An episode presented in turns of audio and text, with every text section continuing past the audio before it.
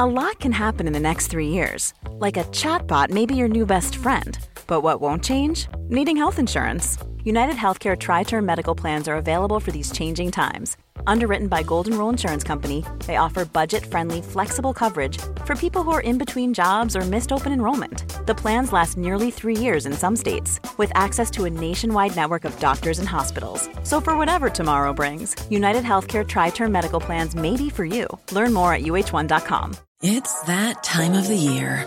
Your vacation is coming up.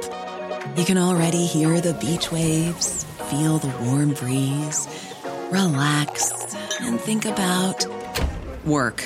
You really, really want it all to work out while you're away. Monday.com gives you and the team that peace of mind. When all work is on one platform and everyone's in sync, things just flow wherever you are. Tap the banner to go to Monday.com.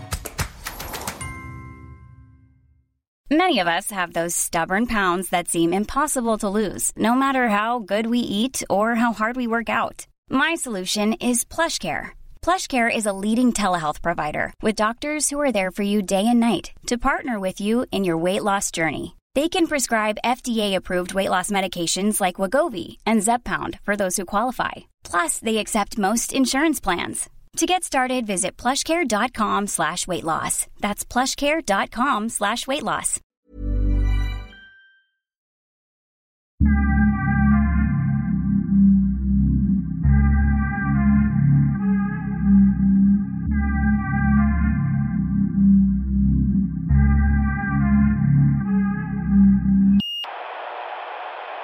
Tjena!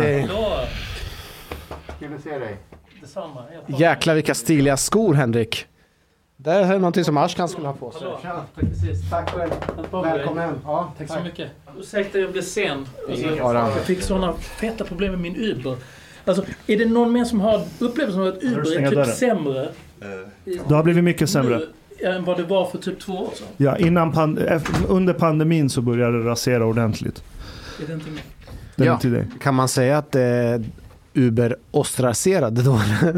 Eh, obsolet var ordet vi snackade om. Nej men förut så har du sagt använt ett ord ostracera. Ja, och så, men faktiskt, det var en grej jag märkte när jag var i, fan var jag? Jag, jag, tror, jag var i Göteborg förra veckan. Och så bokade jag en Uber. Eh, Jag tror jag var någonstans vid Hisingen. Det är väl där det finns en moské va? Jag kommer ihåg att jag gick förbi en moské. Hisingen. Hisingen, förlåt. Eh, och, och Min sen, mamma växte upp där. Vad sa du? Min mamma växte upp där Okej. på Hi- Hisingen. Så Hisingen. Jag, jag har hängt där mycket. Ja, du, du har gjort det? Ja, ja, det är väl alltså, där moskén Det, är? det var så getto innan Sverige var getto. Aha. Ja, men jag gick runt där och så skulle jag boka en Uber. Okej. Och sen eh, så här, bokar jag och så får jag en bil eh, till mig. Liksom, så står det tre minut, three, three minutes away eller någonting sånt. Så ser jag att bilen bara står stilla. Den rör inte på sig. Och, och du vet, ibland de kanske har gått på toa och så är de på väg ut mot bilen. Fem minuter senare, bilen står still. Så jag bara, fan är det här? Så jag cancelar den. Och då drar de ingen avgift, för de drar en avgift ibland om man avbryter sin bokning. Mm. Så bokar jag en ny, samma bil får jag igen. Och den står still i fem minuter. När jag cancelar den då, då dras det 75 spänn som den får som kompensation för att jag har slösat chaufförens tid. Så de här chaufförerna riggar ju systemet. De tackar ja till körningar och så sitter de still tills kunden avbryter och så får de 75 spänn utan att behöva röra på sig. Men vet du hur du kan slå, ge tillbaka? Ja, jag mejlade Uber och så ger jag tillbaka mina Ja, nej, men, pengar. ja, men etta i betyg. Du, du kan inte ge betyg till någon du har cancelat bokningen på. Nej, okej. det. Så du vet, då måste du skriva, förklara och jag tror inte alla pallar göra det. Precis. Insteget är Ja. för stort för att orka ge feedback. Exakt. But, but things have advanced also. I mean, uh, until like maybe 10 years ago uh, in Egypt, you would still uh, haggle with the taxi driver. So like the taxi driver would say like, you know, it's five Egyptian pounds and you're like, no, I'll pay three. and you're like, after every ride, you spend like 15, 20 minutes haggling with the taxi driver. Tänk vad mycket tid som går åt att You, förhandla. you see, I don't want to haggle. Because I'm happy to pay the premium to not have to haggle. I want a pre-haggled price point. Och, eh, Henrik, när du åker Uber, tar du den billigaste eller dyraste? Eller åker du Uber Black till och med? Nej, alltså, jag, jag stri- värdering. strictly bara snabbast. Alltså, det, det är alltid så att jag sitter någonstans och snabbt vill komma någonstans från A till B. Hoppas att det ska vara en bra service. Ingen fancy business överhuvudtaget. Jag vill bara att det ska funka. D- Där, där det failar nu Jag tror Ashkan, du är inne på en bra grej här. Alltså för att, l- låt mig ge en liten rant. Alltså, för att jag kommer rakt in liksom från en av de där dagarna som händer ibland. Alltså, vi, vi, vi kör ju vår show nu här Ja, i, i. Stockholm. Så att jag är inbokad på Scandic Downtown Camper Hotel. Jag bor aldrig på Scandic i allmänhet för att de, de, de är inte så liksom, bra s- service. Men just de- den ska ju vara flaggskepp, fancy, jättefin design. I alla fall i lobbyn. Men det, det är ganska ser snyggt och visst, och, och, ah, de har skateboards eh, i, i, i lobbyn och sådär. Cargo Cult inspirerat. Eh, Exakt, det ska vara häftigt och sådär. Alltså. Men innan jag ger mig på liksom att börja kritisera just Scandic specifikt, vilket jag tänker göra, så vill jag gå tillbaka till någonting som du sa Ashkan. Jag, jag tror att mycket av det här hänger ihop med allt som händer i samband med covid. För att covid satte oss alla i ett krisläge som gjorde att liksom hela servicenäringen fick liksom rulla tillbaks sina ramper och sin, sin servicegrad jättemycket. Och, och nu så är det så här frestande att börja kunna ha samma publikvolym som tidigare men inte rulla tillbaka serviceramperna hela vägen ut. Kolla, har ni märkt det? Har ni bott på ett sånt här Scandic-hotell? Nu kräver de att du ska säga vilken tid du vill äta din frukost. Ja. Det sant? Ja. Alltid, överallt. Och de pitchade som att det är värsta fördelen. Du som kund, klicka på den här QR-koden vi har gett dig så kan du i lugn och ro på ditt eget rum välja när du vill äta frukost. Hur ska jag veta när jag vill äta frukost? Det är ett hotell. Grejen är att jag kanske är ute, det vi har en show. Jag vet inte hur dags jag lägger mig. Kanske klockan åtta, kanske klockan tio. Ja, Kanske men det är bättre att du, du anger det. Våra undersökningar visar att de flesta kunder föredrar att ange sin frukosttid i förväg. Fuck de kunderna. Vad är det för jävla bullshit-kunder? Det, detta, sa, detta sa de till mig. Då uppe på den här grejen. Man kommer in på rummet så ligger det en lapp som är så här att för miljöns skull har vi slutat städa ditt rum. Så att, Det, det är sant. jäkla- Just det. det är Ja. så fruktansvärt underkännande. De började med handdukarna för flera år sedan. Häng upp började handduken om du 30-talet. återanvända den. Nu, nu är det Sen liksom kom handfatet över hela rummet. First they came for the towels. Det var så 30-talet började. Det är så allt börjar. Men du Henrik, en, en, en fråga till dig. Eh, Vad heter det, eh, när du äter frukost, vad föredrar du att äta för hotellfrukost? Alltså, jag, you Du låter som? Scandic-anställd här. Hur vill du ha dina ägg kokade? löst. Eh, löskokt ägg. Jag äter liksom generellt low carb, rätt slim frukost. Typ en glutenfri knäckemacka, ett löskokt ägg, eh, filmjölk, lite, lite nötter och müsli. Den, du Olina. low carb diet eller? Nej, men alltså jag är i den åldern, jag fyller 47 om ett par månader. Alltså, så att, så att jag, jag blir stor som ett skåp om jag inte sköter mig nu. Så att jag, jag, jag tar hand om mig själv. Har du enkelt. provat keto? Det har jag gjort eh, för, för eh, en tid sedan. Vad tyckte du? Eh, det, funkar ganska, det funkade ganska bra för mig. Men det är svårt att upprätthålla det i min roll eftersom jag äter mycket affärsmiddagar med folk på restaurang. Så att det funkar inte i det långa loppet. Alltså det, som livsstil kan jag inte ha det. Så att eh, jag tror mer på att ha en rimlig livsstil med att äta vettigt och att se till att försöka röra på sig så gott det går. Fan jag önskar jag vore som du. Jag är så här, så om jag ska påbörja någonting, Mm. då blir jag extremist. Jag går full fucking salafi på hela skiten. Samma Men baby, baby, vi är likadana. ja. Vi är likadana. Jag, jag, jag, jag är binär, noll eller ett, Ja. alltså hela vägen. Så att, det, grejen är, nu, min motion är att jag, jag ska gå en timmes rask promenad varje dag. Och eh, för, för det, det, är en bra grej att göra då för min åldersgrupp enligt min PT etc. Jag ska inte springa, jag ska gå rask promenad men vara konsekvent. Så då har jag även köpt en sån här viktväst Nice, Som liksom- som man bygger på, så jag gör den tyngre hela Ja. tiden. För att jag måste, jag måste se till att jag lider, liksom så att jag känner att jag har en kamp med tillvaron. Kan inte ni bara testa att gå? Ni kan gå med Mustafa, han är ute och går hela tiden. Ni kan ju börja gå lite grann. Jag, började, jag gick ju bananas med, med promenader förra året, ett, ett och ett halvt år sedan. Jag började gå en timme, mådde väldigt bra. Alltså jag kände mig klar i huvudet, sov bättre. But this summer you were also like taking Jo, jag vet. Men sen slutade det med att jag gick fyra, fem timmar Per dag. varje, per dag. I eh, en slags sån här badrock med flamingos på och en martini i handen. Han är en fucking beduin.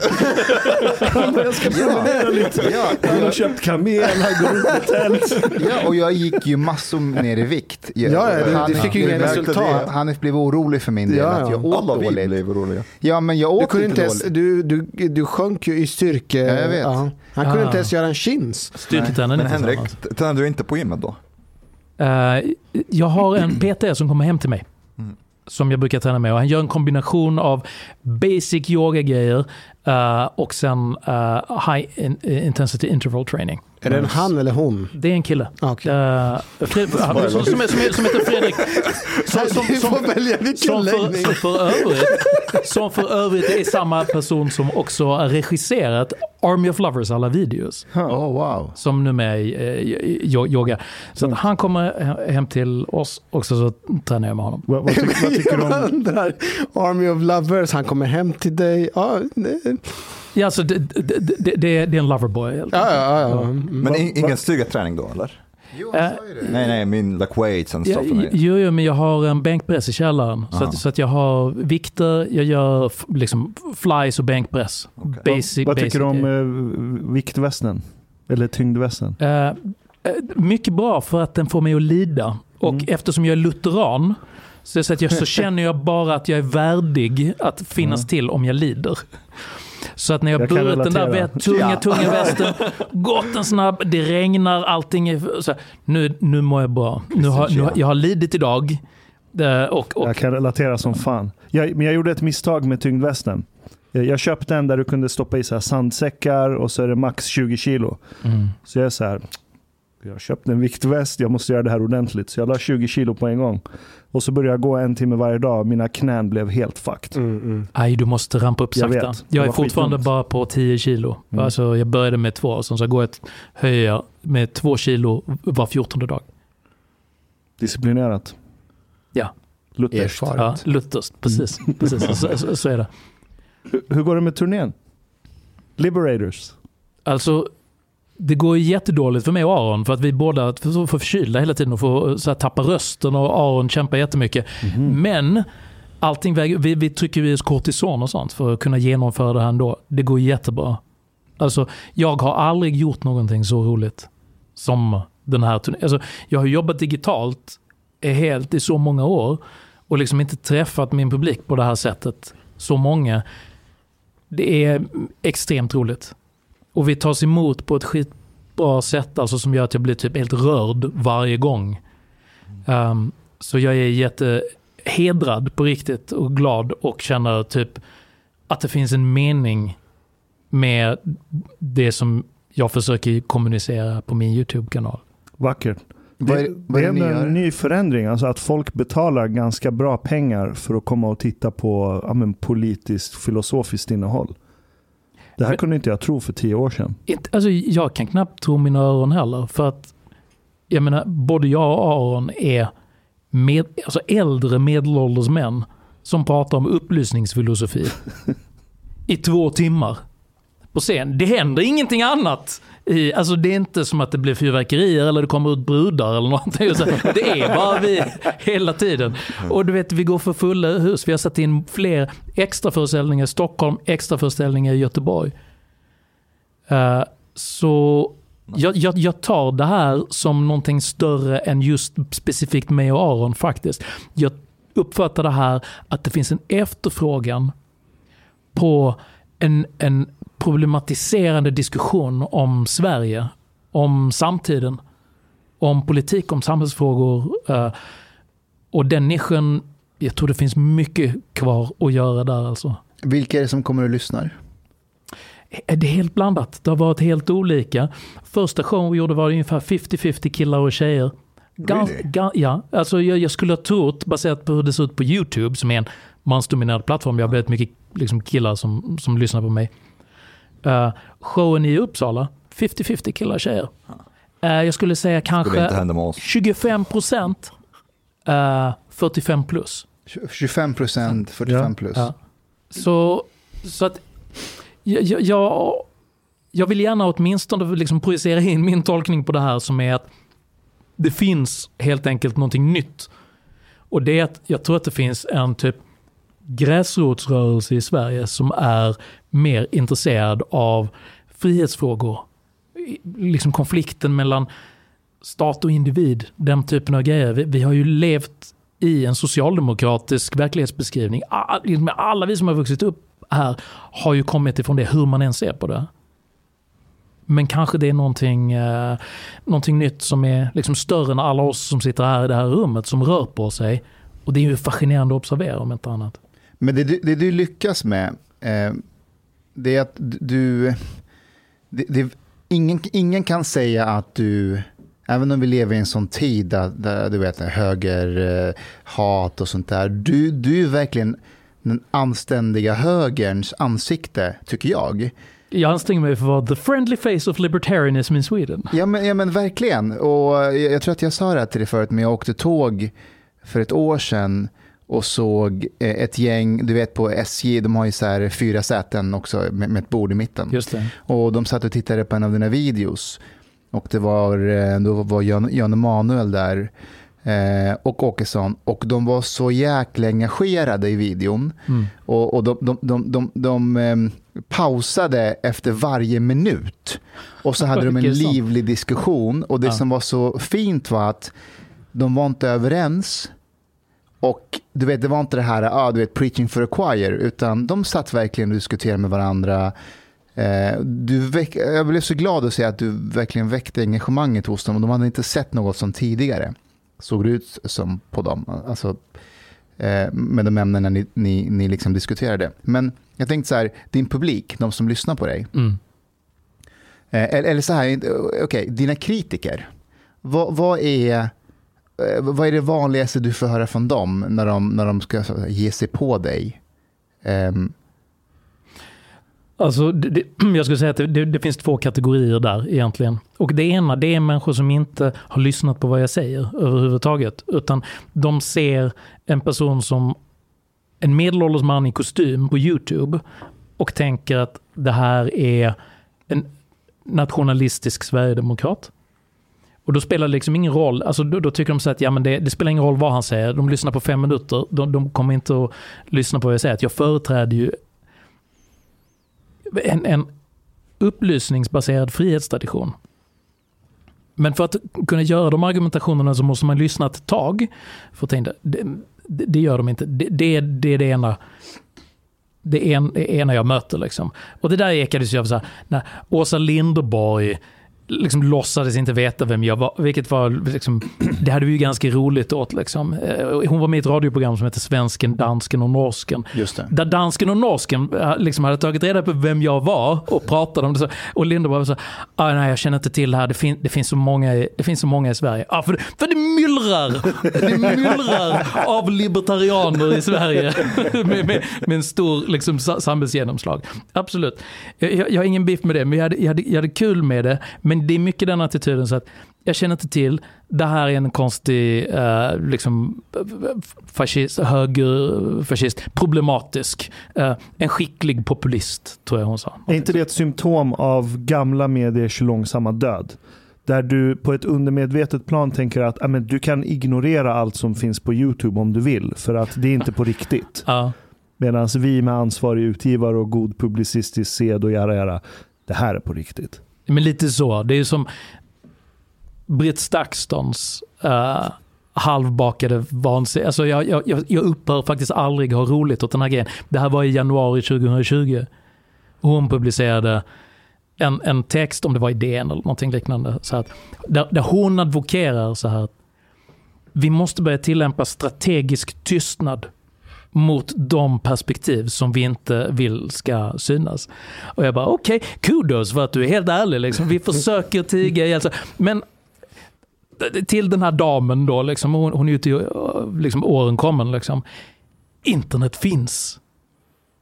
Alltså att du blir tyst innebär att du inte hörs. Alla andra kommer att vara någon annanstans. Liksom. Hela den strategin, det är, en, det, det är så jäkla mycket kalla kriget mentalitet så att vi kan tyga ihjäl saker för att då blir det tyst. Men det var ju som när du hade, jag, jag tror det var Jens Liljestrand när han satt, när han var i Hur kan Hur vi? kan vi?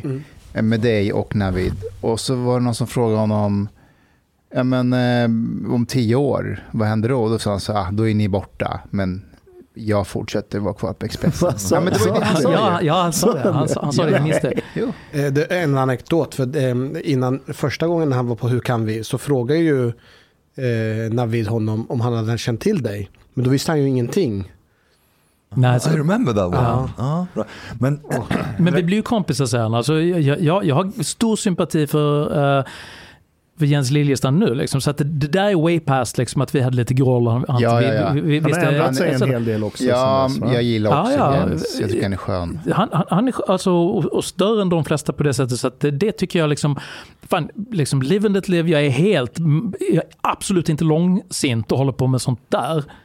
Däremot så ty, det, det är ju intressant att se liksom den 1900-talsattityden som liksom lever kvar som ett slags som en försvarsbastion mot saker som, man, som är främmande, som man tycker är besvärande, som man inte riktigt har koll på och som man helst önskar att det inte ska finnas. Vi kanske bara kan tiga ihjäl det och så försvinner det. Henrik, you describe yourself as a libertarian, right? I do, ja. Not, um, du får gärna prata svenska, det, det är bara jag som... Ja, jag faller hela tiden in i, eng- när du pratar engelska så pratar jag. Uh, men, uh, well, why not a classical liberal? And what, what do you say to people who say that libertarianism is something like socialism, as in it works good in theory, but you cannot really have a, a true libertarian society. It will not work. Mm. A libertarian state, so to speak. Uh, so why are you not a classical liberal as uh, compared to libertarian? Nej, men jag- är egentligen en, en klassisk österrikisk liberal, alltså rent ekonomiskt. Anledningen till att jag använder termen libertarianism är på grund av att den österrikiska ekonomiska skolan är strikt ekonomistisk. Det vill säga att de tar inte, det, det är ju en gammal tanketradition, de förhåller sig inte till vissa moderna spänningsfält som finns i USA, där libertarianismen har liksom fått sin moderna gestaltning och utveckling.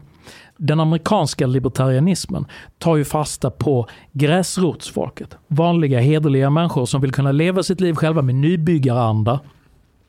Där det finns eldvapen, där det finns eh, liksom moderna etiska problem. Till exempel runt ja, men hur förhåller man sig till aborträtt, om man ska eller inte ska ha droger och den typen av grejer. Ingenting av det där, inga av de frågeställningarna finns ju med i den klassiska österrikiska liksom, ekonomiska skolan. Um, så att jag skulle säga att jag är både och.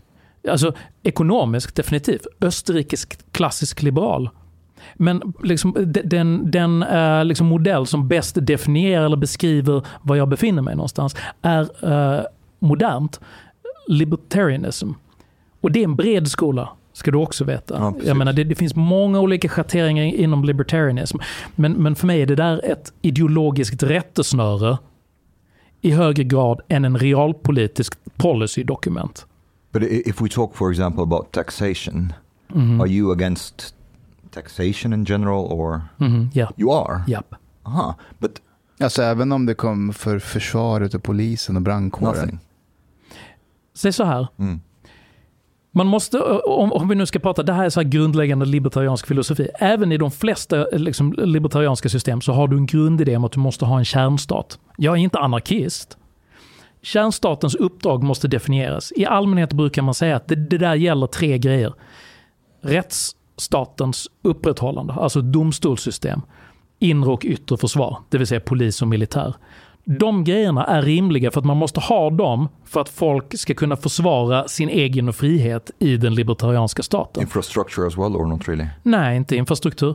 Alltså, det, det är ju ett sånt klassiskt exempel som svenskar gärna tar upp. Så att, ja, men i ett libertarianskt samhälle, vem ska bygga vägarna? Ja, för att det finns ju inga entreprenörer som kan bygga väg. Just det måste ju vara socialiserat för att det ska vara möjligt. Liksom. Okay, but but if we even take like uh, defense, that would require a, a degree of taxation. Ja, jag håller med. Jag håller med, So absolut. you're not totally for abolishing taxation. Det är en jättesvår fråga för att det är en slippery slope. Men i princip, ja, jag är för att det finns någon slags väldigt, väldigt hårt reglerad grundläggande gemensam inbetalning, eh, säg att det är skatt, för att upprätthålla ett inre och yttre försvar. Sen så, eh, så finns det en massa libertarianer som skulle bli arga för, på mig nu och säga att du inte är en äkta autentisk libertarian. Men jag är inte anarkist.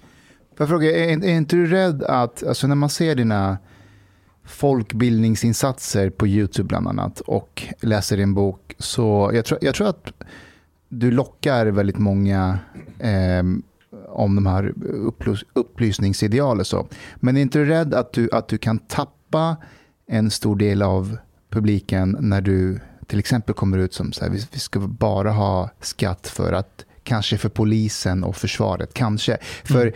alltså, svenskar är ändå, man vill ha ett välfärdssamhälle ändå, ja. alltså en stor majoritet vill ha det. Eh.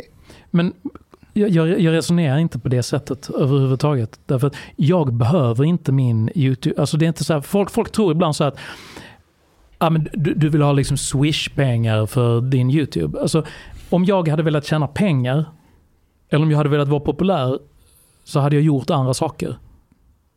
Allting som jag säger på min YouTube-kanal är autentiskt vad jag tycker är viktigt att kommunicera, för jag uppfattar att det är sanna värden. Så, så vitt jag har, långt jag har kommit i min egen mognad och resonemangsapparat. Med, med all ödmjukhet. Men jag säger inte de här sakerna för att de är politiskt gångbara eller populära eller att jag ska bli populär. Utan därför att jag måste säga det som är sant. Annars skulle allt det vara mening, omedelbart meningslöst. You want to be true to your convictions basically. Ja. Mm. Mm. Är inte det du skriver i din bok också? Att om man tror på någonting då ska man inte backa eller någonting. But, but, uh, uh, but, uh, det är ju en, en av dina råd. Ja, alltså vilket kapitel är det du tänker på? Ah, jag bara läste lite måfå. I som här, de här bullet pointsen. Ja, men, men jag är glad att du läste bullet points. Mm. För det var ju så här, jag Om man är dyslektiker då går man direkt till bullet points. Ja, men jag vill inte läsa, vad är han vill säga? Även om du inte är liksom just dyslektiker så, så, så tänkte jag hur jag själv läser. Ja. För att jag har inte alltid tid att läsa alla böcker som folk skickar till mig som jag vill titta på. Jag försöker snabbt suss out key points. Och då tänkte jag, varför inte bara ge dem key points direkt, själv? Okej, okay, I have to confess that uh, jag har inte läst boken. Can you Frihetlig självförsvar mm -hmm. uh, is the name of the book. First, the, the title can sound a little bit, for some people maybe a little bit aggressive or alarmistic maybe. Men själv, självförsvar, självförsvar är som judo. Alltså, du måste bli angripen först mm. för att kunna använda judo. So why did you choose this title? um, därför att min uppfattning som jag framför i den här boken är att friheten på det sätt som den formulerades under den europeiska upplysningstiden i hela västvärlden just nu är under attack. Från både höger och vänster, från både nationalister och socialister och kollektivister av alla schatteringar. Vill alla eh, minska individens autonomi, eh, försvaga äganderätten, eh, reglera och begränsa olika processer som har varit motorn i välståndsökningen som västerlandet genomgått de senaste 250-300 åren. Därför menar jag att det är ett självförsvar om du är en person som uppskattar din frihet, om du är entreprenör, om du är individualist, om du vill leva ditt liv själv, take the road less traveled, ja men då behöver du självförsvar. Någon form av uh, hjälp försöker jag tillhandahålla i den här boken. Mm, utifrån det perspektivet. Nu kanske inte jag riktigt hänger med helt och hållet, men när du säger att friheten är begränsad och så, och jag bara tänker tillbaka hur det var förr i tiden, så tänker jag att men är det inte tvärtom? Alltså att vi har ju jättemycket mer valfrihet och man har ju valfrihet att välja vilken skola man vill gå på och vi har till och med så mycket valfrihet att man kan välja bort och bli, gå i en typ salafistskola tv-kanaler finns i överflöd, eh, internet, olika bostadsformer. Det finns så mycket som jag tänker att per automatik, jag tänker det är snarare tvärtom att det finns mer frihet. Eller vad, är du, vad, Nej, vad, jag, vad menar du när du... Jag, jag fattar vad du menar. Det du pratar om är en annan sak. Mm. Säg så här.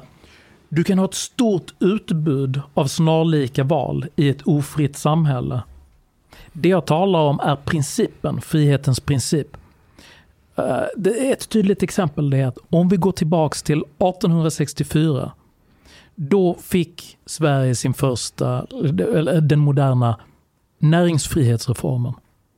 Det var en kille som hette eh, Johan August Gripenstedt som var upplysningsman, mycket framsynt, som drev igenom en mycket stor reform för svenskarna. Vid det här tillfället var vi fortfarande en agrarkultur. En vadå? Alltså jordbruksnation. Ja, ja, ja. Alla var bönder. I stort sett alla var bönder. Efter den här reformen, vad som hände i Sverige då var att vem som helst fick lov att starta företag. Att välja vad de ville arbeta med. Att söka kredit hos en bank. Att eh, sälja och exportera varor som inte var reglerade. Innan den här reformen levde svenskarna i, i princip i en form av byråkratiserat skråsamhälle. Där du inte fick välja vad du ville jobba med själv utan att det var tvunget att godkännas av olika andra maktinstanser. Konsekvensen av Gripenstedts näringsfrihetsreform blev en aldrig tidigare skådad produktivitetsökning i svensk ekonomi. Under åren efter det här så skapades liksom massor av stora företag som fortfarande är några av de mest produktiva i Sverige. Alltså AGA, Electrolux, SKF, eh, liknande, de stora skogsbolagen, eh, pappersbruk. Allt det här ur den här frihetsexplosionen. Vad som sedan har hänt rent praktiskt var att Sverige blev stenrikt på grund av det här. På grund av den produktivitetsökningen. Sedan har man gradvis tummat tillbaks på den här friheten och ålagt alla de här bolagen högre och högre skatt, mer och mer regleringar av arbetsmarknaden och olika saker och sagt att ja men de här pengarna som vi tar från den här explosionen, den här supernovan av produktivitet. Det gör vi för allmänhetens bästa. För att vi vill köpa dagisplatser för dem. Vi vill köpa sjukhus för dem. Det är väl ingen som säger nej till att vi ska köpa sjukhus för pengarna. Men då måste du väga det här mot... Det finns alltid en alternativ kostnad. Eh, det finns en fransk filosof som heter Frédéric Bastiat. Han skrev en bok eh, som heter Det man ser och det man inte ser. Den kan jag rekommendera till alla som lyssnar på det här. Det man ser är bara det som finns. Om staten tar 60% av allt värde som näringslivet skapar. Så att, men vi använder de här pengarna för att köpa sjukhus och vägar till er. Om vi inte tog de här pengarna då skulle det inte finnas några vägar, då skulle det inte finnas några sjukhus. Det är bullshit. För att man ser bara det som finns, man ser inte det som inte finns. Och om välståndsökningen som den var i Sverige ungefär 30-dubblades per individ efter näringslivsreformen. Om de pengarna hade fortsatt kunnat arbeta i ett fritt dynamiskt näringsliv, då hade vi kanske haft världens bästa sjukvård just nu. Fast den hade varit strukturerat på ett annat sätt. Mycket av det kanske drivits privat. Delar av det här hade kanske kunnat handlas upp genom kommunala sjukvårdsförsäkringar som säkrade de allra svagaste grupperna i samhället tillträde till vård ändå. Men kom inte med den gamla liksom, jävla gökhatt-teorin. Liksom, att det skulle inte finnas dagis, det skulle inte finnas valmöjligheter om det inte var så att vi hade en, en, en väldigt skattemässigt aggressiv socialstat. Men, men, men, men, jag ska bara fråga, så om vi hade haft de sakerna som du säger, ehm, eh, vad hade de som nu gör det på ett annat sätt, vad hade de gått miste om? Alltså de som upprätthåller eh, ska man säga, det du vill åstadkomma, alltså med ett högt skattetryck, det vi inte ser. Så de ska man säga, politiker eller, och så vidare, partier och så vidare. Vad, vad är det de hade mist? Förstår du vad jag menar? Vad, vad, vad hade de förlorat? De hade förlorat sin makt. Okej, så det, det, det är så enkelt bara? Ja, men, kolla på det här, ta ett annat exempel från coronakrisen till exempel. Då gick ju alla partier, inklusive de borgerliga partierna, ut så att nu är det kris, vi stänger ner delar av samhället, det blir jättetufft för restauranger, hotell, absolut allt det här. Vi, vi ska hjälpa, vi, därför måste vi hjälpa företagen nu. Och bara staten har pengarna att hjälpa företagen. Och hur ska vi hjälpa dem? Jo, genom att ni kan ansöka om att få olika typer av lånegarantier och lån från staten. Det gör vi för att vi har de finansiella musklerna. Ja, men vet ni varför ni har de finansiella musklerna? Därför att ni har tagit de här pengarna från de produktiva företagen till att börja med. Det hade exakt lika bra gått att säga så att, vet ni vad? Vi tar inte in någon skatt under den här krisen överhuvudtaget. Ni är skattebefriade. Behåll allting ni tjänar så, så blir det ungefär 60% bättre för er allihop. Och, och vill man lägga, liksom lägga lite lök på den laxen så skulle man ha kunnat sagt krisen är nu, vet ni vad? Vi betalar tillbaks all skatt som företag betalade in under förra året. Så att ni kan sköta er själva. Nästan ingen administration, därför att då är det så att då får alla tillbaka i paritet med det de är, producerar. Jag menar, titta på vad som har hänt med det här systemet då där man betalar ut istället av pengar som staten redan har tagit in. Det kom fram i förra veckan liksom, att det var så här, ett kriminellt företag som tvättade pengar, liksom, drogpengar, som hade sökt jättestora bidrag, som hade fått bidrag. För det är svårt att administrera. Det här betyder inte att de statliga systemen är ondskefulla att, eller att de är ens inkompetenta, utan att det är en skitsvår, o, alltså det är en övermäktig uppgift. Det är en dålig idé. Men anledningen till att man vill ha det på det sättet, det är att man vill genom att först ta pengarna från folk och från företag, så att man sitter på hela kassakistan och sen delar ut dem igen. Ja, men var hamnar makten då? Den hamnar hos den som sitter på alla stålarna. Det är en negativ maktaffär för staten att börja säga till företag, nej men behåll ni pengarna istället. Vi låter er behålla lite mer av era pengar, pengar för det är mer effektivt, det höjer produktiviteten. Ja men då får vi också mer ekonom mindre ekonomisk makt på det statliga hållet. Så att varje gång, varje gång som någon säger att vi måste höja skatten lite, lite till för att vi ska kunna lösa de här problemen i samhället. Ja men fråga dig då, hur bra har det gått hittills? Men om vi, om vi vänder på det då. Om, om efter den här näringslivsreformen som Gripenstedt, som jag förstår det, eh, var huvudpersonen i att genomföra här i Sverige. Mm. Säg att vi inte hade börjat tumma på den. Utan eh, den här 30-dubblingen av effektivitet hade fått fortsätta och vi hade fått en utveckling mer i linje med vad du hade önskat. Om Bastia hade skrivit sin bok då, mm. vad hade det varit vi inte ser i det fallet? Jag tror det är det Mustafa var inne på. Precis så. Vad hade alternativkostnaden varit för att köra din linje, din alternativa historielinje? Men det kan jag inte svara på. Liksom det är, vi är inne i väldigt teoretiskt territorium. Det, det, det, finns väl alltid olika grader i helvetet på saker och ting. Och jag, jag, vill nog också passa på att understryka det här att jag tycker inte att Sverige är ett förfärligt land. Jämfört med väldigt många länder så är Sverige ett väldigt fritt land. Det går utmärkt att starta och driva företag i Sverige. Skatten är väldigt hög. Arbetsmarknaden är för reglerad.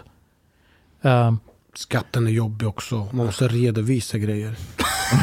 den är skitjobbig. But, but man måste ha en revisor, ta massor med pengar. Jag betalar massor med pengar till revisorn. Till slut så har jag inga pengar kvar själv. 50% i skatt, revisorn ska ha pengar. Ja. Det blir ingenting kvar. Det kostar att ha företag. Ja, men det är verkligen ja. så. Det är helt sjukt. Alltså i slutändan, vad fan, det blir ingenting kvar. Men då blir, när du säger så, för jag håller ju med dig, Arne. Alltså, då, då, då, då möts du alltid av argumentationen att Ja, men du måste tänka på de allra svagaste i samhället. But Henrik, if I would... det är ju vi. jag tänker på mig själv.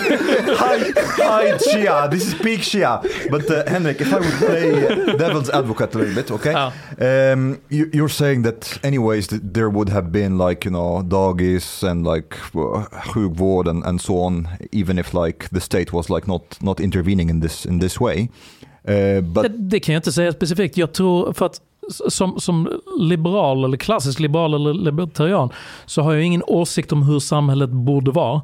Utan samhället kommer att gestalta sig utifrån utbud och efterfrågan. But this isn't this like a little bit like morally ambiguous position like because one one can reply to that and and say well there will always be people who will fall through the cracks and are not able to like you know it, mm -hmm. it, it, will end up being some kind of social darwinism and people who are like the weakest in society yes who mm -hmm. are not able to make it they they have nowhere to go um, and they they are then put at the mercy of basically charity. If, if somebody wants to like give them money to go to hospital, the private hospital, or mm. or anything of the sort, and also when it comes to let's say giving possibilities, equal opportunities for children, for example, who are going growing up, that maybe if if they are if they have poor parents and so on, they will not get the possibilities that others other kids are are getting, and this is this will be a loss for society also in general.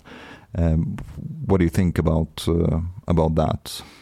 Det där är ju vad man skulle kalla i mjukvaruutvecklingsbranschen för ett edge case, som är liksom ett, det är en filosofisk problem. Men, men, men jag vill återföra det här till en helt praktisk diskussion, för det där är ett riktigt etiskt problem som jag gärna kommer tillbaks till när vi har sänkt skatten till 20% och allting är typ likadant som nu fast mycket, mycket bättre. Efter det när vi börjar gå in i ett tillstånd där skatten ligger platt under 20 procent, då kan vi börja tala om liksom balansen mellan civilsamhällets roll och de sociala skyddande institutionernas roll. Det finns inget case för att diskutera det här överhuvudtaget. Skatten i det här landet är så destruktivt hög att vi är way, way, way på fel sida av Lafferkurvan.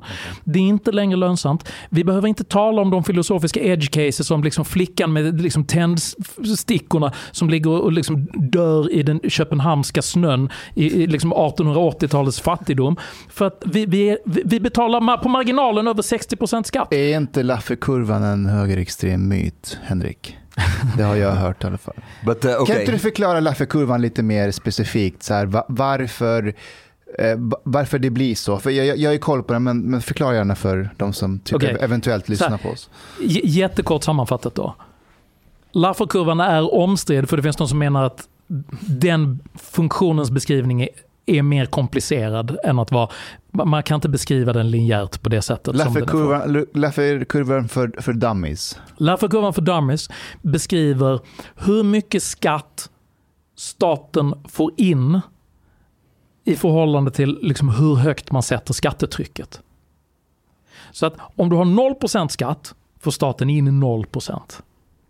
Men om du sätter 100% skatt får staten också in 0%. Därför att då kommer ingen medborgare att respektera staten för att du lever i en to- ekonomiskt totalitär regim. Alltså vad är idén med att arbeta om du betalar 100% skatt? Och, och, och, och den här kurvan den beskriver ju då en, en bell curve, eller en vågform, liksom en böj, där piken då enligt den här skissen är i princip att 50% skatt ger 50% intäkter, vilket inte stämmer. Och det här är en del av kritiken då, för det är mer komplicerat än så. Men det grundläggande argumentet är helt rimligt och det är så att höjer du skatten för mycket så faller produktiviteten i samhället för att incitamentet för att anstränga sig och försöka bli framgångsrik blir mindre. Om, om du redan liksom tjänar en ganska schysst lön om du har liksom 45-50 000 spänn och du är projektledare på ett jäkla företag. Och sen så, ja men vill du bli mellanchef? Det är mycket mer ansvar. 20 timmar arbete antagligen mer i veckan plus helger, mer resor. Men du kommer upp till 65 i månaden. Ja, tänker man då. Shit. 20-25 000 extra i månaden. Man ser framför sig, jag kan köpa en pool till mina döttrar. Men vänta nu. Var ligger skatten när jag ligger där över 65? Ah, av de 20 extra som jag får så får jag ut 3500 eller någonting beroende på liksom hur din eh, liksom förmånsskatt ser ut. Då har du en, eh, och den här problematiken har vi i våra egna bolag. Att folk tackar nej till befordran med höga löneförbättringar på grund av att de tycker det är bättre att ha mindre ansvar för att jag, min del av den här högre lönen blir för liten. Och det är en del av Lafferkurvans problematik.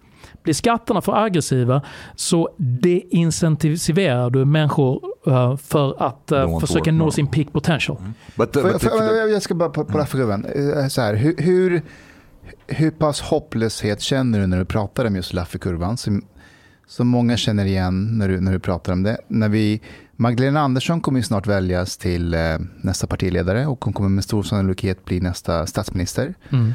Eh, att hon säger att eh, Lafferkurvan är en högerextrem myt Mm. eh, som är skapad av amerikanska högerextremer. Så här, när, när, vår kommande statsminister säger att det är en högerextrem myt, hur, hur, ska du få fram budskapet då? Mitt intryck är att Magdalena Andersson är en ehm, mycket bildad och begåvad kvinna. Så att hon vet att det hon säger där är politisk bullshit-retorik. Eh, och jag vet vilket klipp du syftar på. Och det var dumt det hon sa. Eh, hon menade faktiskt inte riktigt, alltså det hon menade var att det är den, den hårda libertarianska högern som förfäktar Lafferkurvan. Hon menade inte att det var en högerextrem idé. För att det, det får det ju låta som att hon tror att det är någon slags fascister som, som kommer med Lafferkurvan. Det, det menar hon inte. Hon menar att det är den hårda högerns knasiga idé och hon håller inte med. Det, Fast- det är det hon menar. Men, men när hon säger det Ja, så är det ju en stor följarskara som kommer svälja det där med hull och hår. ja så är det. För att det är inte så många som ifrågasätter saker politiker säger i det här landet. Nej. Speciellt inte om du är rätt sorts duktig, fin, god politiker. Nej, men vet du vad? Alltså, det enda... Det enda Och liksom, jag sätter ju ansvaret på dem, inte på Magdalena primärt 100%. Mitt ödmjuka motvärn där är att jag har ju lyxen att inte vara politiker.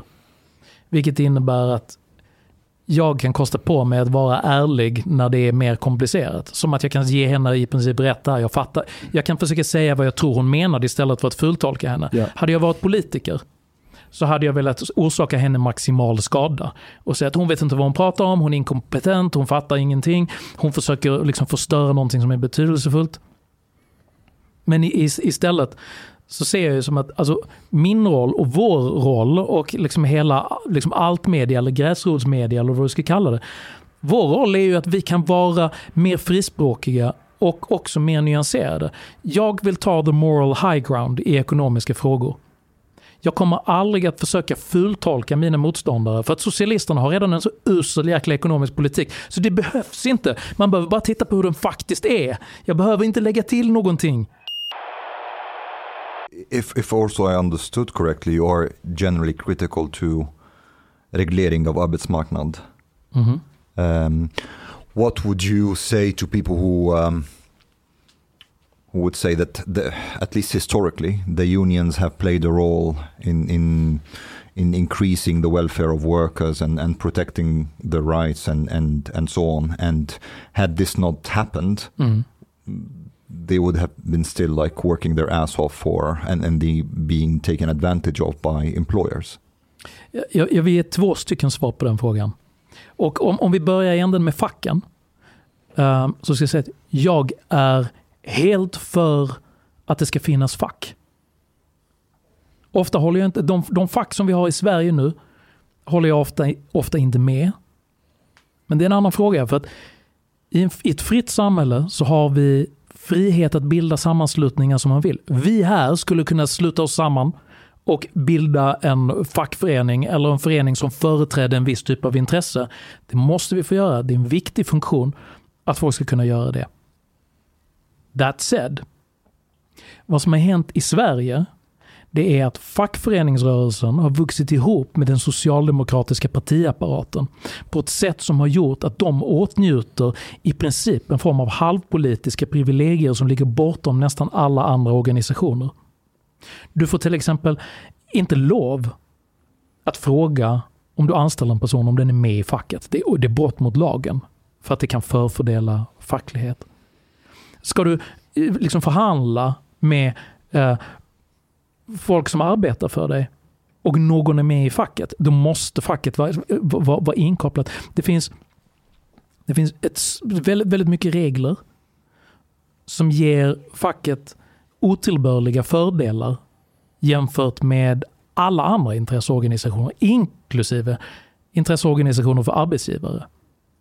Och det är ett, ett stort problem. Och det här artikuleras ekonomiskt politiskt på följande sätt.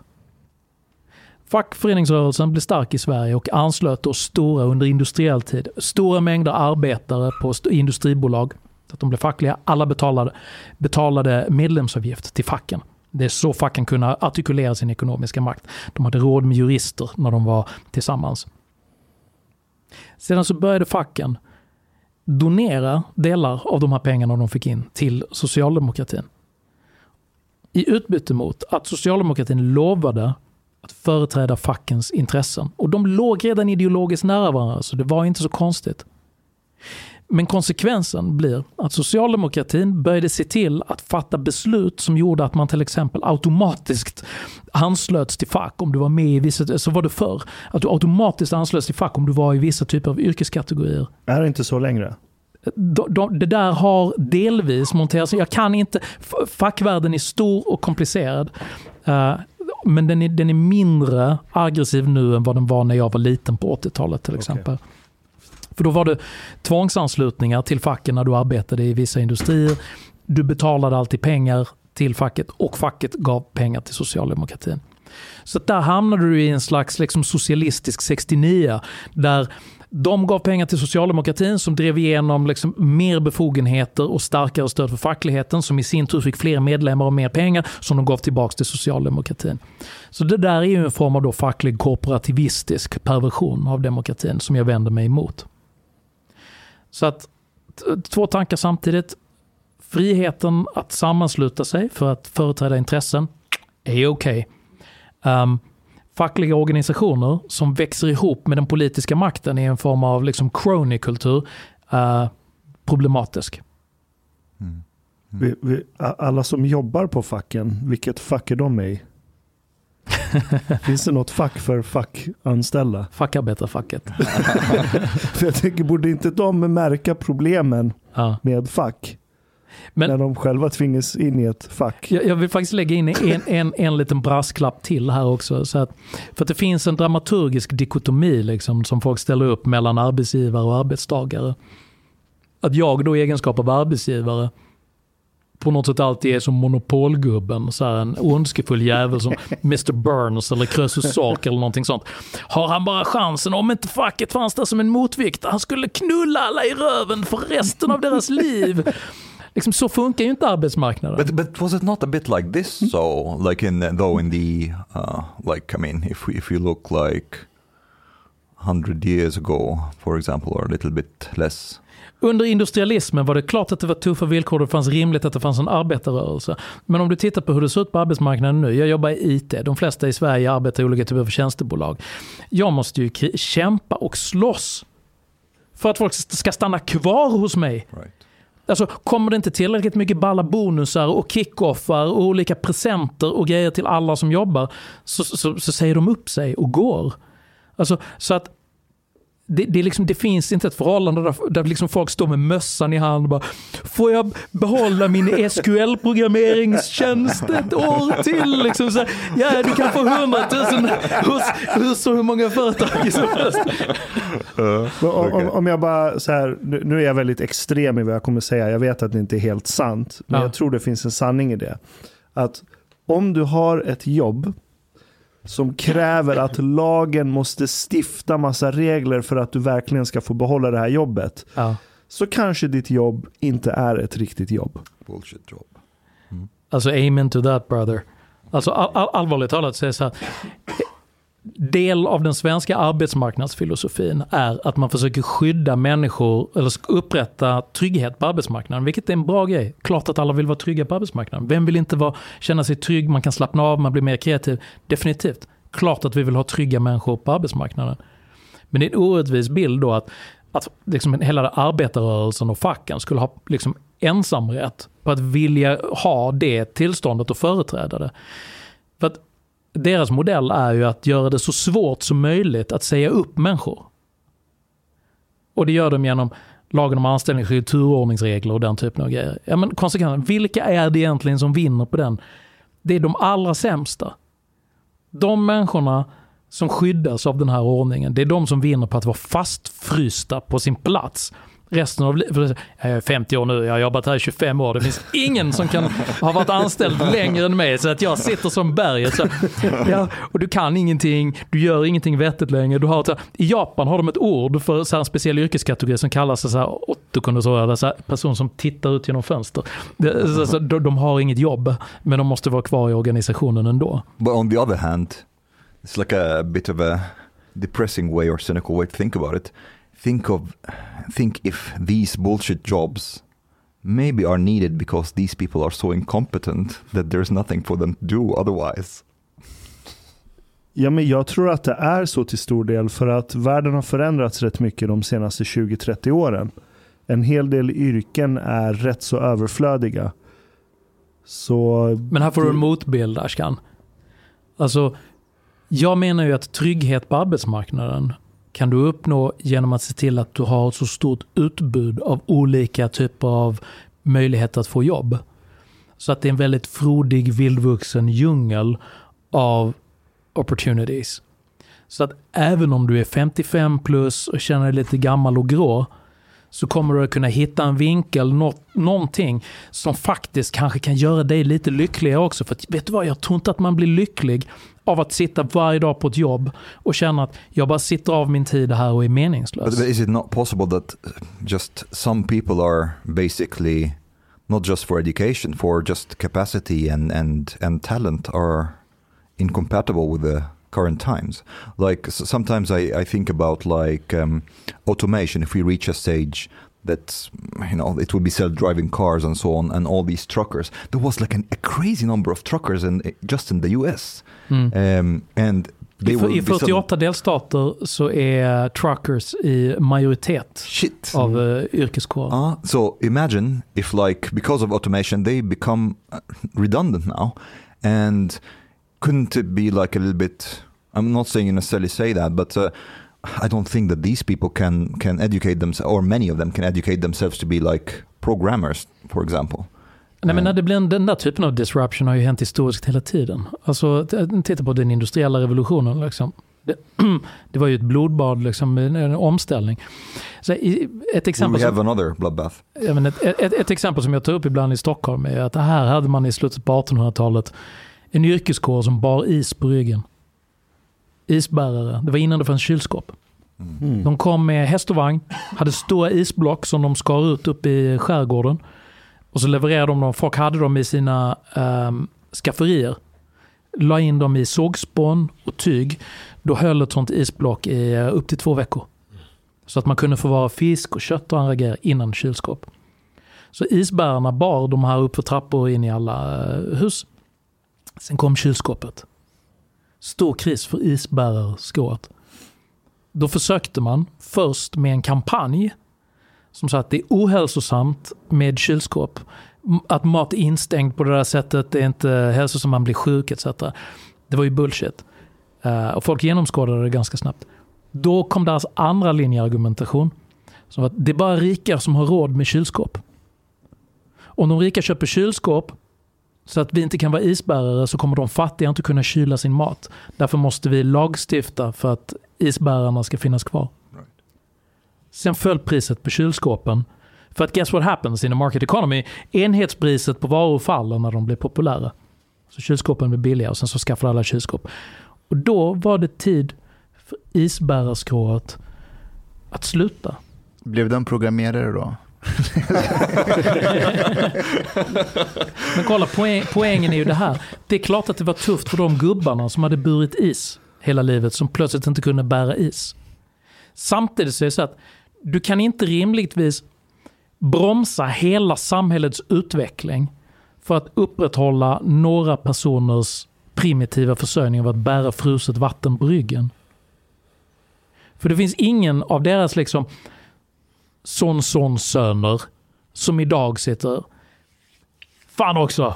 Alltså om vi bara hade reglerat marknaden då hade jag kunnat vara isbärare precis som fa- Alltså brudarna hade blivit tokiga. Bara han kommer där, han är helt muskulös, bär isen liksom. Det är låg status. Man kan vara, folk är mer produktiva nu.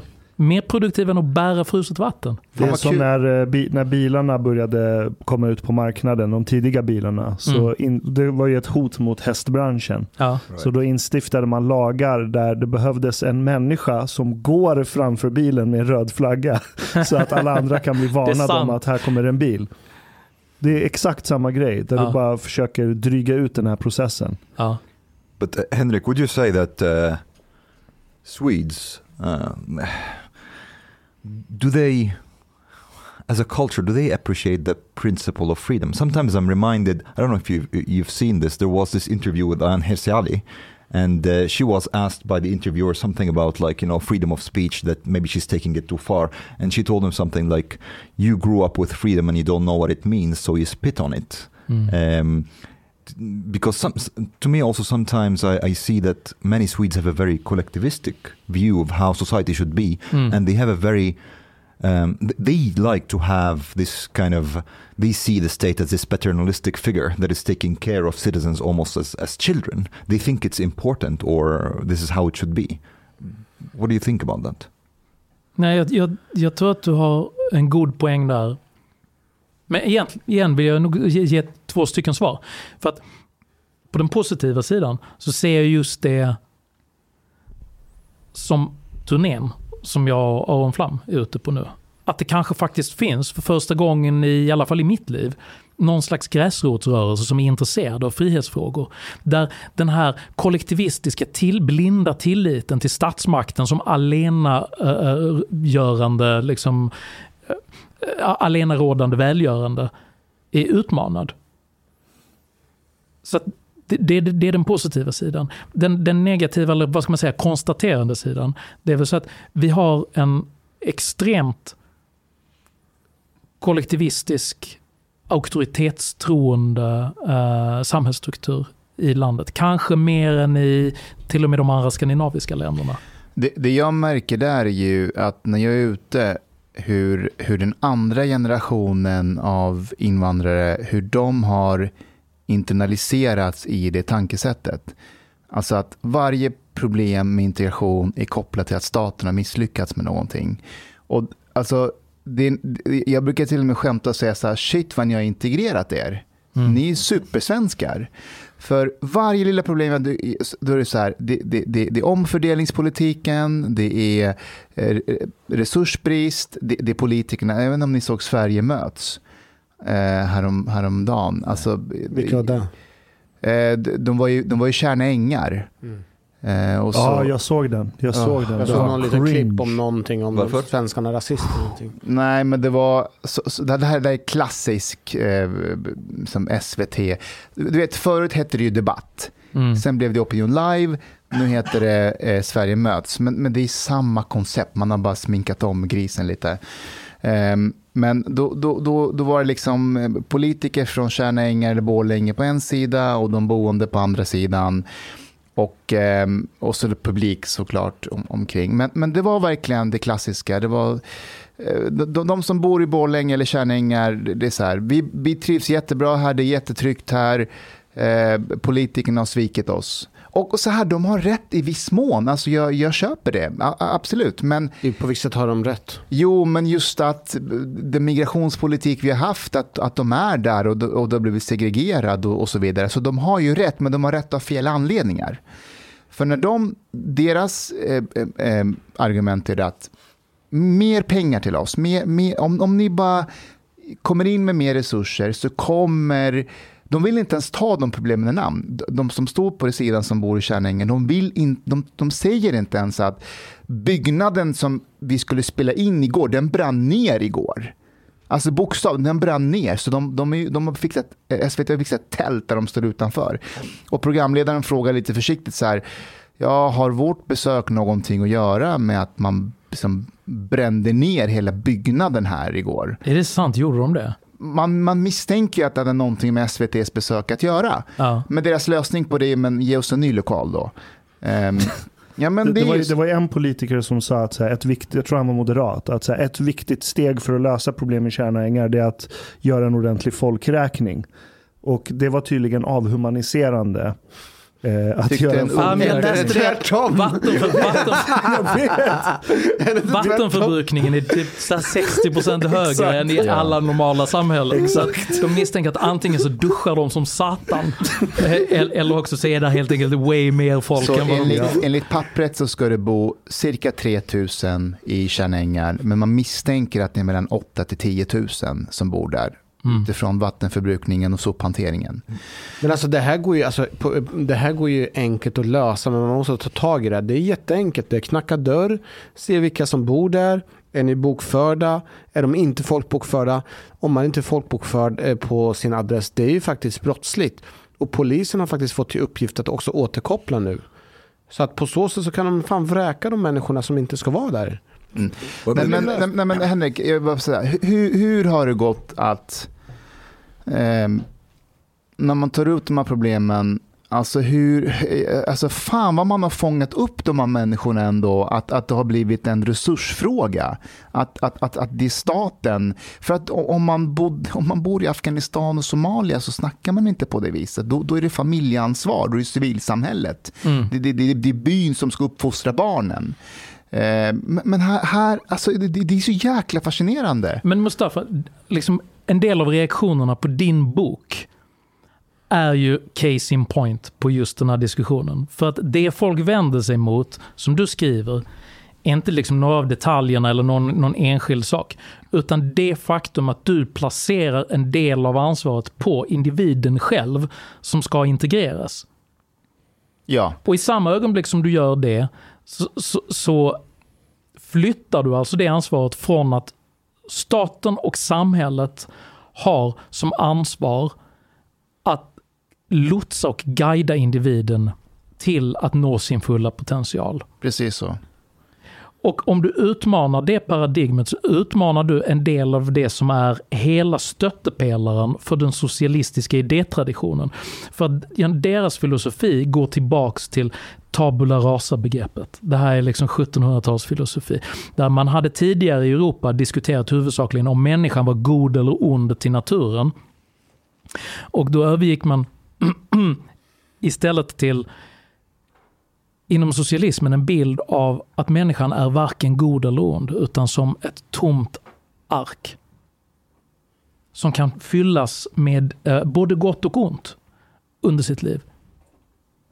Och, och eh, det, det här var John Stuart Mill. Um, det gav upphov till två olika traditioner. Eh, liberalism å ena sidan och liksom socialism å andra sidan. Där, där liberalismens fokus blev att om människan är ett oskrivet blad så måste vi se till att var och en får uh, välja själv vad som ska skrivas ner på det bladet som är deras liv. Liksom. Deras medvetandets konfiguration eller whatever. Medan socialisterna valde då linjen om varje människa är ett oskrivet blad då måste staten se till att skriva rätt saker så att den här personen får optimala förutsättningar i tillvaron för att bli en solidarisk, produktiv och godhjärtad medborgare.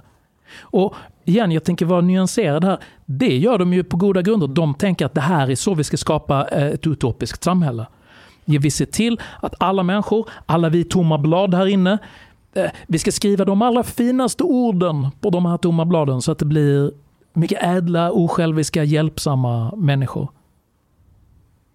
Detta är roten till att man alltid talar om socioekonomiska fucking faktorer så fort någonting händer i Sverige.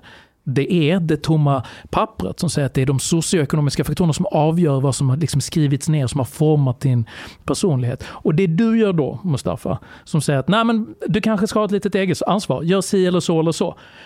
Då skiter du i hela deras tabula rasa-teori och säger att du som individ kan påverka ditt liv. Och då får de ett stort ideologiskt problem. Ja, och vet, jag, var, jag var i Falköping häromdagen. Eh, och då, det var åt eh, Studiefrämjandets eh, eh, som hade bjudit dit mig och de hade läst min bok, alltså mammor från Somalia, Eritrea, Syrien, Afghanistan och haft liksom en bokcirkel kring den. Eh, så, så jag hade en föreläsning för dem och det som var så intressant det var att mammorna som har läst, de var så här, mycket bra, inga problem, jättebra, jättebra. Men deras barn, eller andra unga som är födda i Sverige, de satt i ett hörn och var väldigt kritiska mot allt det jag sa. Det här påminner mig om när jag, när jag var på, eh, vad heter det, Järvaveckan. Då var det somaliska mammor som lyssnade på Jimmy Åkesson med sina barn. Och mammorna sa till sina barn, Jimmy Åkesson, mycket bra, mycket bra. och deras barn tittar på dem, men mamma, han är ju partiledare för Sverigedemokraterna. Nej men det var väldigt jag, jag, måste, jag måste inflika, det, det var John Locke. ja. Det var John Locke som talade om tabula rasa, inte John Stuart Mill. Just det, just det. But, uh, but Mustafa, was that program that you're talking about, the, was it the one that there was some politician I think or something who said that he feels like, or someone who said that they feel really safe in the area and it came out that he just like couple of days afterward han Nej, blev rånad? Ja, han blev faktiskt rånad några år tidigare. Nej, men det var en Aha, socialdemokratisk okay. politiker eh, som fick frågan av, av programledaren då att eh, på det här Sverige möts. Är du rädd för att vara här i Kärnängar efter 22 eller kan du gå ut och sådär? Då sa han nej, jag är aldrig rädd för att vara i Borlänge. Sen kom det fram nästa dag att han hade blivit rånad i Borlänge av två män. Jag, jag såg att han har blivit rånad, men såg it's funny. fucking funny. Hanif alltså. Bali la ut det klippet med yeah. musiken från Curb Your Enthusiasm. Ja, det. fast till, till, hans försvar så kan han ju blivit rånad fast att han inte behöver vara rädd. Men Henrik? Det var väl så här, vad man kallar storkukslugn. Bara så, nej, men, blir du rädd när du blir rånad alltså? rookie, rookie. But do you have, uh, do you have like some um, libertarian solution for gängkriminalitet i Sverige? Should, should we take up arms and finish off these assholes or? What should we do? Nej, så vår, vår nuvarande situation finns det inget enkelt svar på. Jag tror det är en mödosam process liksom att börja gradvis liksom ställa mer krav från samhällets sida och sen så börja korrigera gradvis med e, ekonomiska incentives. Men, men jag tror att anledningen till att situationen har uppkommit har varit på att man har varit ideologiskt förblindad av tanken på de socioekonomiska faktorerna. Så att man har tänkt att om folk får komma hit och får förutsättningarna så kommer de att automatiskt bli produktiva och godhjärtade och inte hålla på med brott och andra grejer. Vilket är, um, för, för att liksom parafrasera hur våra politiker brukar låta. Liksom. Jag måste Vi- vi ändå säga naiva. att, att ja, det är en ideologisk eh, förklaring som de är liksom marinerade i. Men min erfarenhet är ändå att om jag sitter med de här personerna som pratar om socioekonomiska faktorer och Ja. omfördelningspolitik och så, mellan skål och vägg, Ja. då börjar de faktiskt, då erkänner de att det finns kultur, det finns normer, det finns värderingar. För att de har ju växt upp i den kulturen, alltså till exempel hederskulturen Ja. och, så, och så vidare. De säger det mellan skål och eh, vägg. Men eh, om någon riktar en kamera mot dem eller mikrofon eller en tredje person hör, då blir de som så här robotiserade ide- Det ideologer. är för att incitamenten för att de ska fortsätta få pengar är att vinna röster.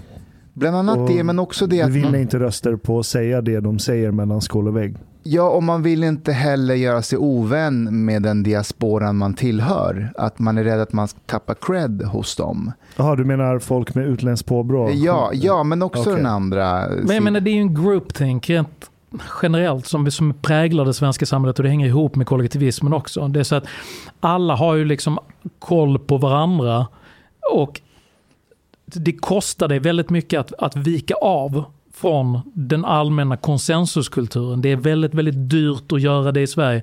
Folk, det, det vet ju du själv, Omar. Liksom, du, du drabbades ju lite grann av det. Bara för att du var med i den här podden så var det folk som tyckte att det faller lite grann utanför liksom den här sammanhållna bilden som vi vill eh, upprätthålla. Om, om, man, om man drabbas av hedersförtryck så som du gjorde Omar, är det någon organisation man kan vända sig till för att få hjälp? det måste ju finnas någon som... Varken eh, hora eller kuvad, vad heter den? Den ja, finns ju också. kan de hjälpa till? Kanske? Alltså med ett skyddat boende eller stödlinje eller... But um, if we go back to to uh, gang criminality, did you did you watch this um, Expressens reportage with this uh, Ja. Mehdi Ha- shit? Dumle. Dumle. Haveriet Shit. inom Expressen. får- får, jag bara säga en sak? Och alla som är i min generation och lite äldre gör ju skämt om Humle och Dumle. Som alltså var två barnprogramsfigurer i Kapten Böljas skafferi på slutet av 60-talet. Vad är Kapten Böljas skafferi? Vad är- det, vad är det, för var ett barnprogram? 60-tals barnprogram. Liksom, Jag är typ för ung för det. Men, men gamla människor pratade om det programmet när jag var liten.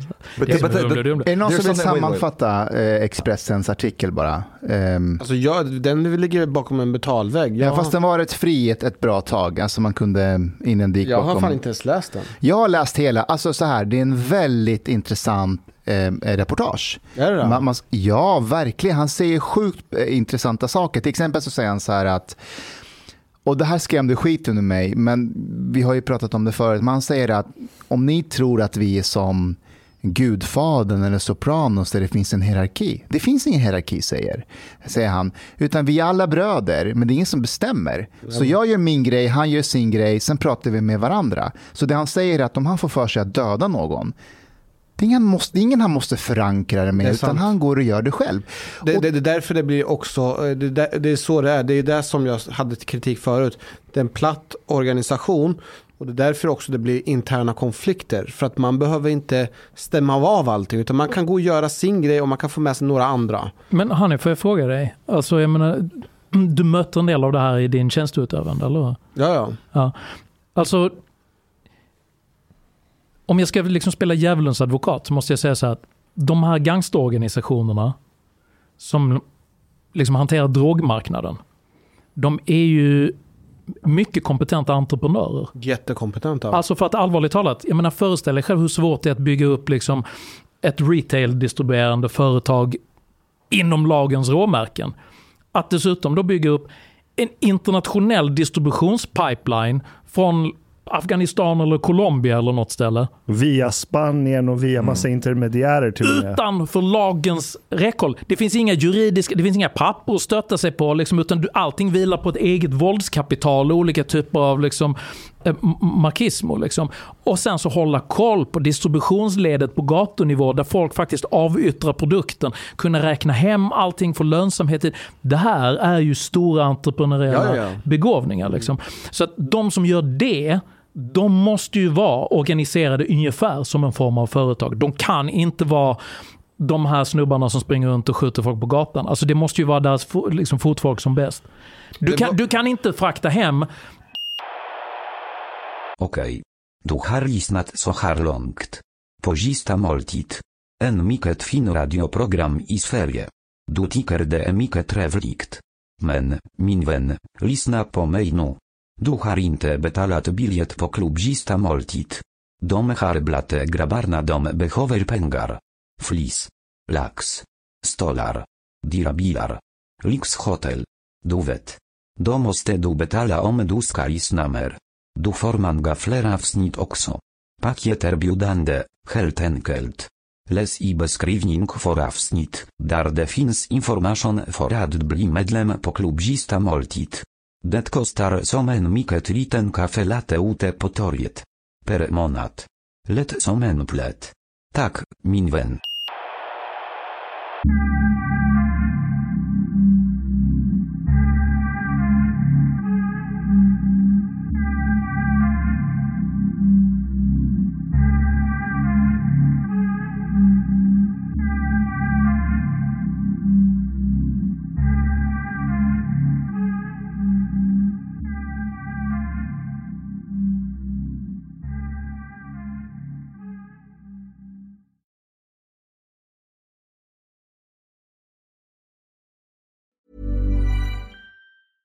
Planning for your next trip?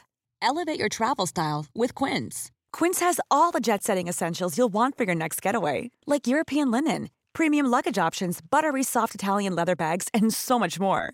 And is all priced at 50 to 80% less than similar brands. Plus, Quince only works with factories that use safe and ethical manufacturing practices. Pack your bags with high-quality essentials you'll be wearing for vacations to come with Quince. Go to quince.com slash pack for free shipping and 365-day returns. Imagine the softest sheets you've ever felt. Now imagine them getting even softer over time. That's what you'll feel with Bowl and Branch's organic cotton sheets. In a recent customer survey, 96% replied that Bowl and Branch sheets get softer with every wash. Start getting your best night's sleep in these sheets that get softer and softer for years to come. Try their sheets with a 30-night guarantee. Plus, get 15% off your first order at bowlandbranch.com. Code BUTTERY. Exclusions apply. See site for details. Hi, I'm Daniel, founder of Pretty Litter. Cats and cat owners deserve better than any old fashioned litter. That's why I teamed up with scientists and veterinarians to create Pretty Litter. Its innovative crystal formula has superior odor control and weighs up to 80% less than clay litter. Pretty Litter even monitors health by changing colors to help detect early signs of potential illness. It's the world's smartest kitty litter. Go to prettylitter.com and use code ACAST for 20% off your first order and a free cat toy. Terms and conditions apply. See site for details.